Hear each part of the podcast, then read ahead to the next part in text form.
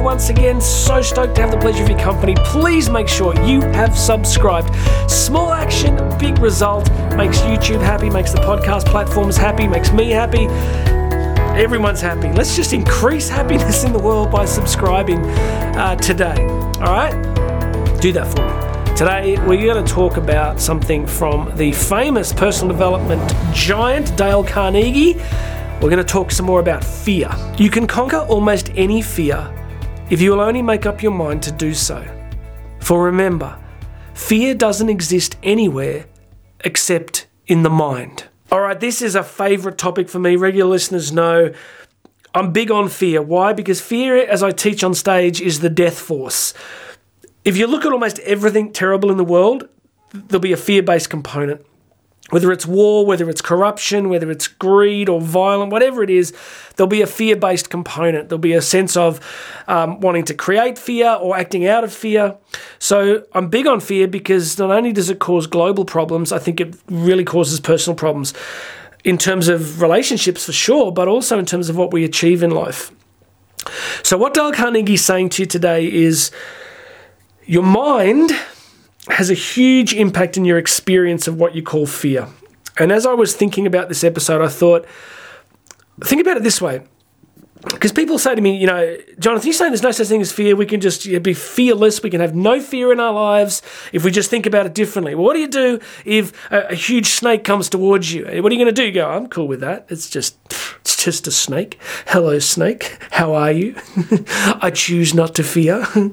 that would be stupid and probably get you killed, especially here in Australia, because pretty much in Australia you only have to walk out your front door and something will eat you.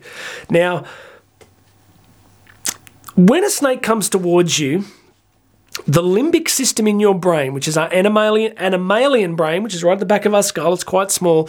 It's it's been there for you know hundreds of millions of years. It's the fight or flight thing, connects to the hypothalamus, regulates you know arousal.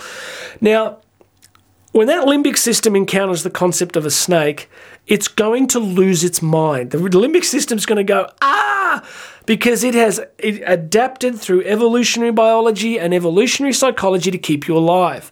So it will give you the experience of fear for a very good reason. And it will be instantaneous and it will be before thought.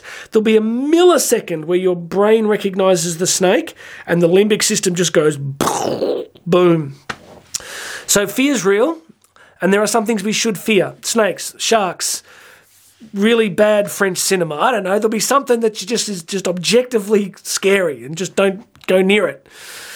So, but what Carnegie's telling us today is that's a pretty small category of things. You are not going to be confronted by a snake most days. You are not going to be confronted by earthquakes or fires or saber toothed tigers most days of the week. I don't know where you live, but if that's happening, just Google real estate agent and move, right? What Carnegie's telling us is what we tend to do is use our prefrontal cortex, the part of our brain up here, the executive function of our brain, to create fear by ascribing meaning to things that we feel unsure about. Job interview, right? A snake might kill you, a job interview won't. Now, you could theoretically have a heart attack in a job interview if you were so nervous. It's possible, but it's relatively rare.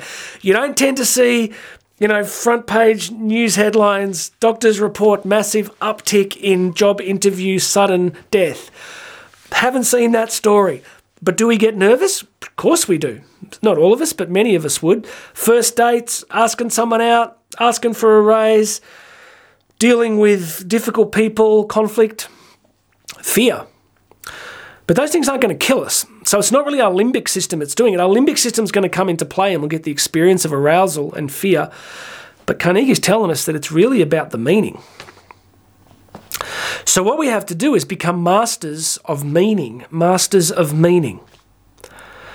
So that if we fail at something, it's about the meaning if we're afraid of something, it's go. We have to be able to go.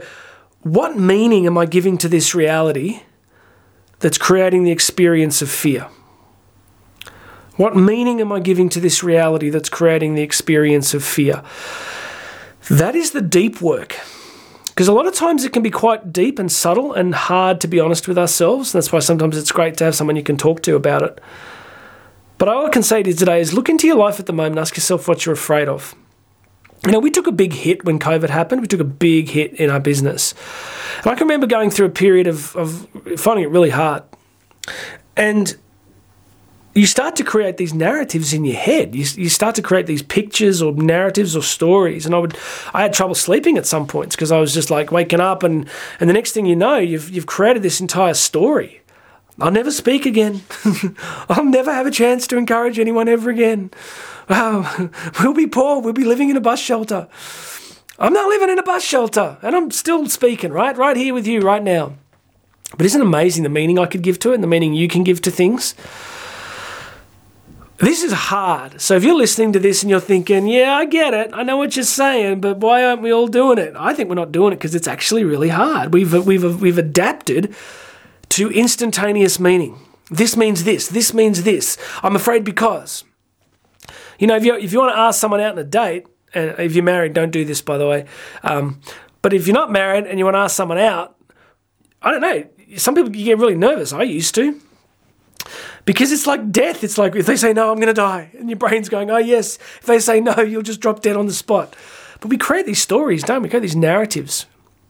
You can often pick it up by things like, you know, you'll be saying what if, or you'll use language like, what if this happens, or, or I will never, or if this happens, I will. Like you can look at the language, the cognitive language that you're using. All right. So the summary of this message would be there are objective things that are going to cause fear but they're in a relatively small class and you don't encounter them very often. But there's plenty of fear washing through the world, isn't there? And again, our media system just profits off it massively.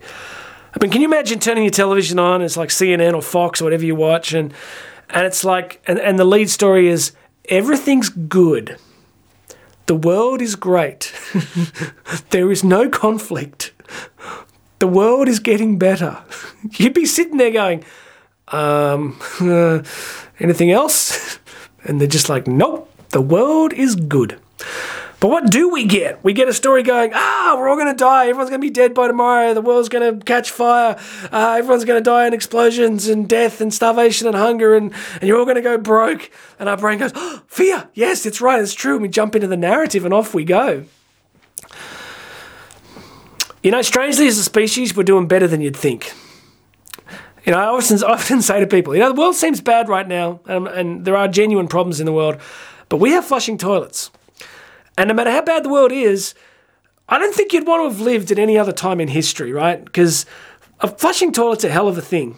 As is, you know, like, you know, cabled sport, TV, you know, just there's a lot of great stuff in the world that just wasn't there. So, we don't need to buy too much into the fear narrative. If terrible things happen, you are going to adapt. No matter what happens, you're going to adapt. You're going to be just fine. All right, that's it for me today. Do not let yourself be overcome by fear. Look deeply into the meanings, the stories that you're telling yourself when you encounter fearful situations, and you're going to be just fine. You can grow. This might take years, but just get it in your head. Start working on it. Start going, what am I thinking? What meaning am I ascribing? And then ask yourself, can you find a better meaning? All right. Please make sure you're subscribed. Grab yourself a free copy of my book, Bridging the Gap. Check out the other links wherever you're listening or watching. My name's Jonathan Doyle, and I'm going to have another message for you tomorrow.